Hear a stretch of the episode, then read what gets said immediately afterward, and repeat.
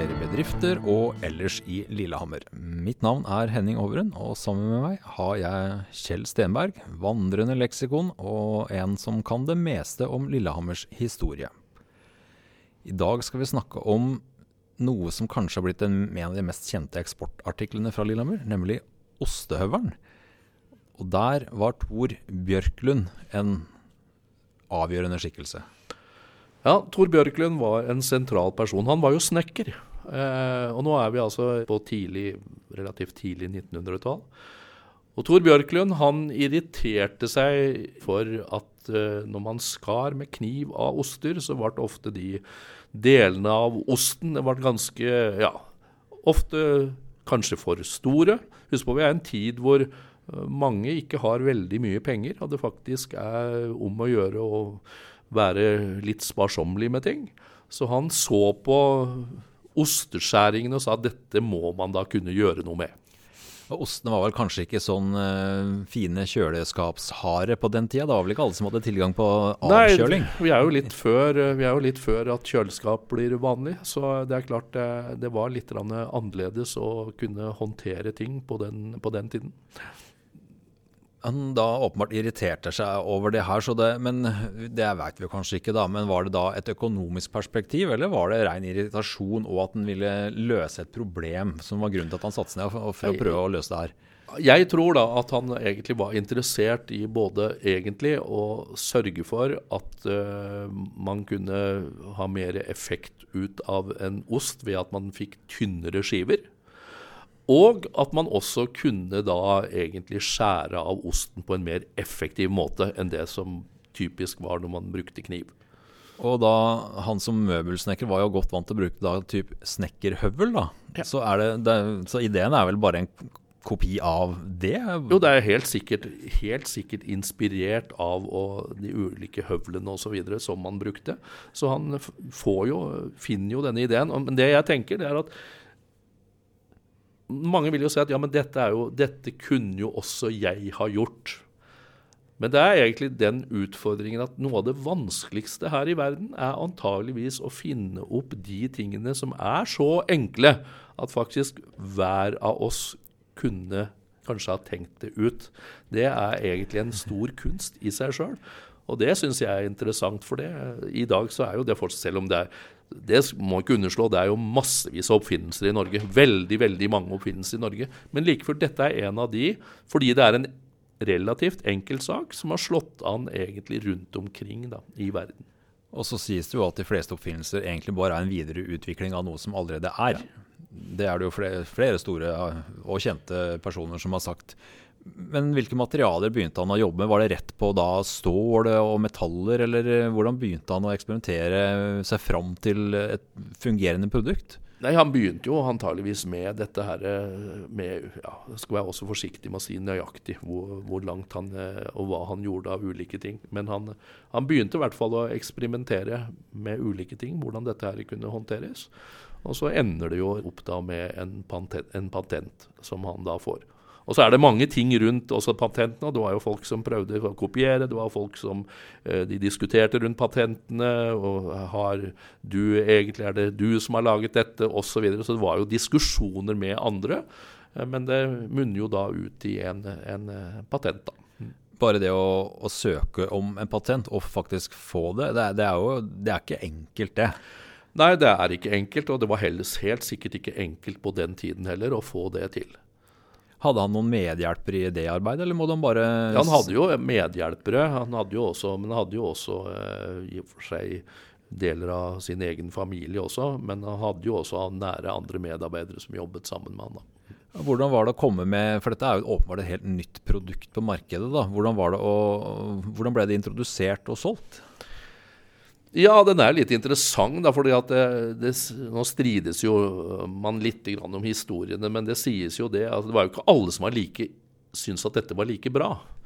Fordi at de som solgte, altså meieriene, som solgte oster, var jo ikke nødvendigvis like glad i dette her, fordi at denne sparsommeligheten kunne jo medføre at uh, det ble solgt mindre ost enn det som ble gjort før.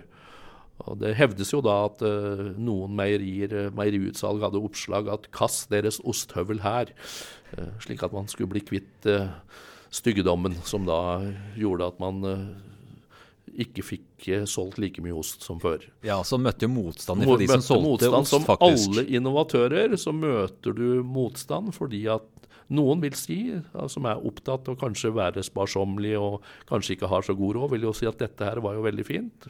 Noen av dem som er opptatt av estetikk, vil helt sikkert si at dette var veldig ålreit og veldig bra. Det ga en helt annen mulighet til å skjære pent av osten.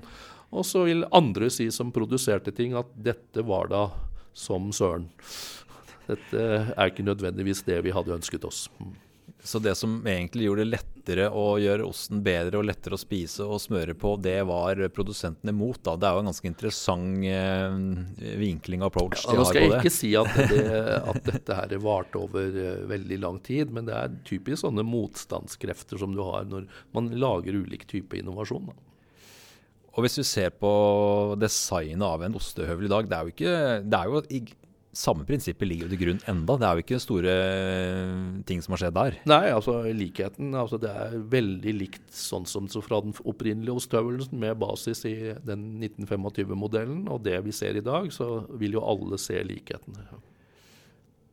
Men alle bra ting blir jo forsøkt kopiert. Greide han å holde unna det? Hvordan håndterte de det? Ja, De, de har nok hatt mange Bjørklund som, som, var, som drev jo dette her i, i, mange, mange år. Det var jo Lillehammers, kanskje Lillehammers mest kjente produkt i mange år. Og så kommer vi vi nærmer oss her år 2000, og så blir jo etter hvert bedriften også da også flyttet da, utenfor Lillehammer bys grenser. Men de slet nok i og overtatt av andre eiere. De slet nok i mange år med ulike kopiforsøk rundt omkring i verden. Og noen av de greide de vel kanskje å håndtere, men slett ikke alle, vil jeg tro. Hvor stor var bedriften på Lillehammer i sin tid? I forhold til produksjon og ansatte? I hvert fall hva gjelder ansatte, så var det en, en, relativt stor bedrift. Vi snakker jo ikke om noen gigantbedrift, men at den hadde et ikke ubetydelig antall mennesker i arbeid. Og den lå jo da nedenfor jernbanen, eh, litt nord for jernbanen på nedsiden. Ved Bussmo-området? Ja, Busmo i Bussmo-området.